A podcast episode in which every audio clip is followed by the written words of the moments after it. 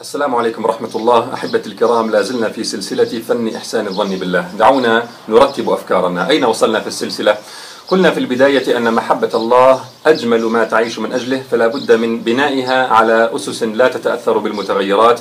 أولها تأمل أسماء الله تعالى وصفاته. وقلنا أنك بهذا التأمل تحول البلاء إلى سبب لمحبة الله بدلا من أن يزعزع هذه المحبة. تأملنا حكمة الله وتودده وإعانته ورحمته ومغفرته. عندما تكلمنا عن مغفرة الله وكيف أن علينا أن نحول ندمنا إلى قوة دافعة لإصلاح أوضاعنا استطردنا بالحديث عن تحويل المشاعر السلبية عموما إلى قوة دافعة بما يحفظ علينا حسن ظننا بالله عز وجل. ذكرنا تحويل الوساوس إلى يقين وتحويل الألم على أوضاع المسلمين في سوريا وغيرها إلى قوة دافعة للانتهاء عما يسخط خالقنا وحبيبنا عز وجل. أود أن أختم هذا المحور من السلسلة وهو تأمل أسماء الله وصفاته بالحديث عن صفتين من صفات ربك سبحانه وتعالى تتأملهما في البلاء. لننتقل بعدها إلى ركيزة ثانية من ركائز محبة الله سبحانه وتعالى. هاتان الصفتان هما لطف الله تعالى وستره على عباده. نتكلم اليوم بإذن الله عن لطف الله تعالى. قال ربي سبحانه الله لطيف بعباده الله لطيف بعباده. مهما اشتد بلاؤك فلا بد أن ترى من ربك تعالى لطفا فيه إن أحسنت الظن به. تأمل لطف الله بنبيه وصفيه محمد صلى الله عليه وسلم في أشد لحظات حياته حراجة وإيلاما. ما هي هذه اللحظات؟ عندما عاد من الطائف وقد سخر منه ساداتها ورماه بالحجارة سفهاؤها وهو الآن في طريق العودة إلى مكة حيث تنتظره الشماتة والتكذيب والتضييق. وقد ماتت الوفية العطوف خديجة رضي الله عنها وأبو طالب الذي كان يحمي النبي ويفديه بنفسه وأولاده. وزاد الألم أن أبا طالب مات كافرا.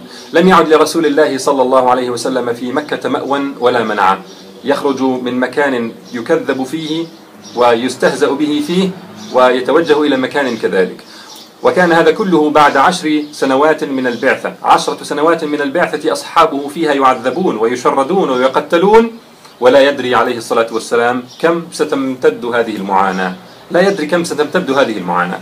كانت هذه أشق لحظات حياة النبي صلى الله عليه وسلم وصفها بقوله في الحديث المتفق عليه فانطلقت وأنا مهموم على وجهي فلم أستفق إلا وأنا بقرن الثعالب.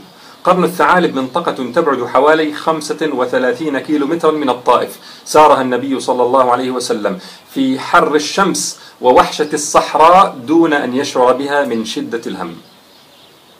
طيب أين كان لطف الله عز وجل بنبيه في هذه اللحظات؟ انظروا إلى لطف الله سبحانه وتعالى. في هذه اللحظة كأن الله تعالى وضع الكفار جميعا في قفص الاتهام وأعطى رسوله مطلق الحرية في القضاء لينفذ فيهم الحكم الذي يشاء. ففي تتمة الحديث المتفق عليه الذي ذكرناه قال عليه الصلاة والسلام فرفعت رأسي. وإذا أنا بسحابة قد أظلتني فنظرت فإذا فيها جبريل عليه السلام فناداني فقال إن الله تعالى قد سمع قول قومك لك وما ردوا عليك وقد بعث إليك ملك الجبال لتأمره بما شئت فيهم بما شئت فيهم. فناداني ملك الجبال فسلم علي ثم قال يا محمد إن الله قد سمع قول قومك لك وأنا ملك الجبال وقد بعثني ربي إليك لتأمرني بأمرك فما شئت إن شئت أطبقت عليهم الأخشبين. سبحان الله. نفس النبي كثيرة بما لقي من أهل مكة والطائف وقدماه لا زالتا تدميان فيجعل الله تعالى حبيبه بهذا العرض في مقام الحاكم نافذ الأمر. بينما الكفار جميعا كأنهم قيدوا بالسلاسل أذلة صاغرين ينتظرون حكم النبي. ملكان ينتظران كلمة من شفتي النبي تنهي المعاناة وتشفي الصدر وتذهب بغيظ القلب. انظر كم هو محمد صلى الله عليه وسلم كريم القدر عند ربه سبحانه. أليس هذا لطفا عظيما من الله بحبيبه؟ عندما يرى رسول الله قدره عند ربه ومحبة ربه له وغضبه من أجله ربه يسلمه الأمر ويقول له افعل ما تشاء بهم. فما كان منه صلى الله عليه وسلم إلا أن قال للملكين بمنتهى السمو الإنساني والعظمة البشرية بل أرجو أن يخرج الله من أصلابهم من يعبد الله وحده ولا يشرك به شيئا بأبي هو وأمي صلى الله عليه وسلم. أليس هذا لطفا عظيما من الله بنبيه أن يسلمه زمام الأمر ويجعله صاحب القرار ثم النبي من نفسه من نفسه يختار الصبر على أداهم لا عن عجز بل عن عظمة ورحمة. فبدل أن يشعر النبي بالقهر وانعدام الحيلة تجاه هؤلاء المعاندين يصبح في لحظة كالأب الذي اختار هو بنفسه الصبر على هؤلاء الأولاد العاقين وقد روى أهل السير حديثا مرسلا أن غلاما نصرانيا اسمه عداس أسلم على يد النبي في هذه الرحلة أيضا. عندما تبتلى يا أخي تأمل كيف أن بلاءك كان من الممكن أن يأتي أشد ثم تأمل وجوه لطف الله تعالى بك. عندما تعرض صاحبكم لبلاء الأسر فتح الله عليه بتأمل وجوه اللطف الرباني. فكتبت في بداية الأسر قائمة بعنوان أمور خففت البلاء أمور خففت البلاء وصلت فيها إلى سبعة وثلاثين أمرا خفف الله بها هذا البلاء ثم اكتشفت كثيرا غيرها بعدها. يخفف الله عنك باللقاء برجل ابتلي قبلك فصبر ببسمة تراها على وجه أخيك برعاية الله لعيالك ومن يهمك شأنهم بمحبة أناس نبلاء لك ومساندتهم لك بكتاب تقرأه بذكرى جميلة بأمل في الفرج ينبعث في قلبك بصورة جميلة للمستقبل ترتسم في ذهنك بتوسيع الله لك في جانب آخر من حياتك غير الجانب الذي ضاق عليك. بتعريضك قبل البلاء لبلاء أصغر يمرنك ويعودك على الصبر بكشف الله قبح ظالمك وغيرها الكثير. ومن لطائف اللطف الرباني أنك تكون في بلاء تضيق به ثم يأتيك بلاء آخر جديد.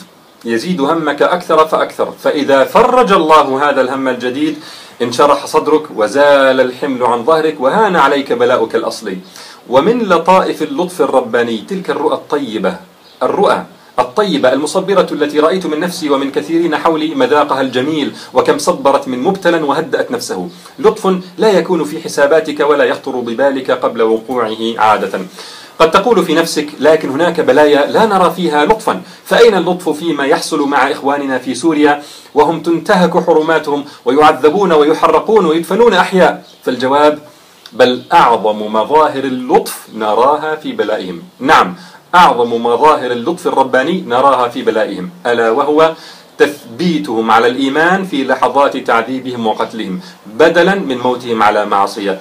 إنسان على وشك مفارقة الدنيا والرحيل إلى ربه عز وجل. مثل هذا لا يحتاج تخفيف البلاء بل مضاعفته ليتضاعف الأجر وينحط الوزر لأنه على وشك انقطاع العمل وطي كتاب الحسنات والسيئات.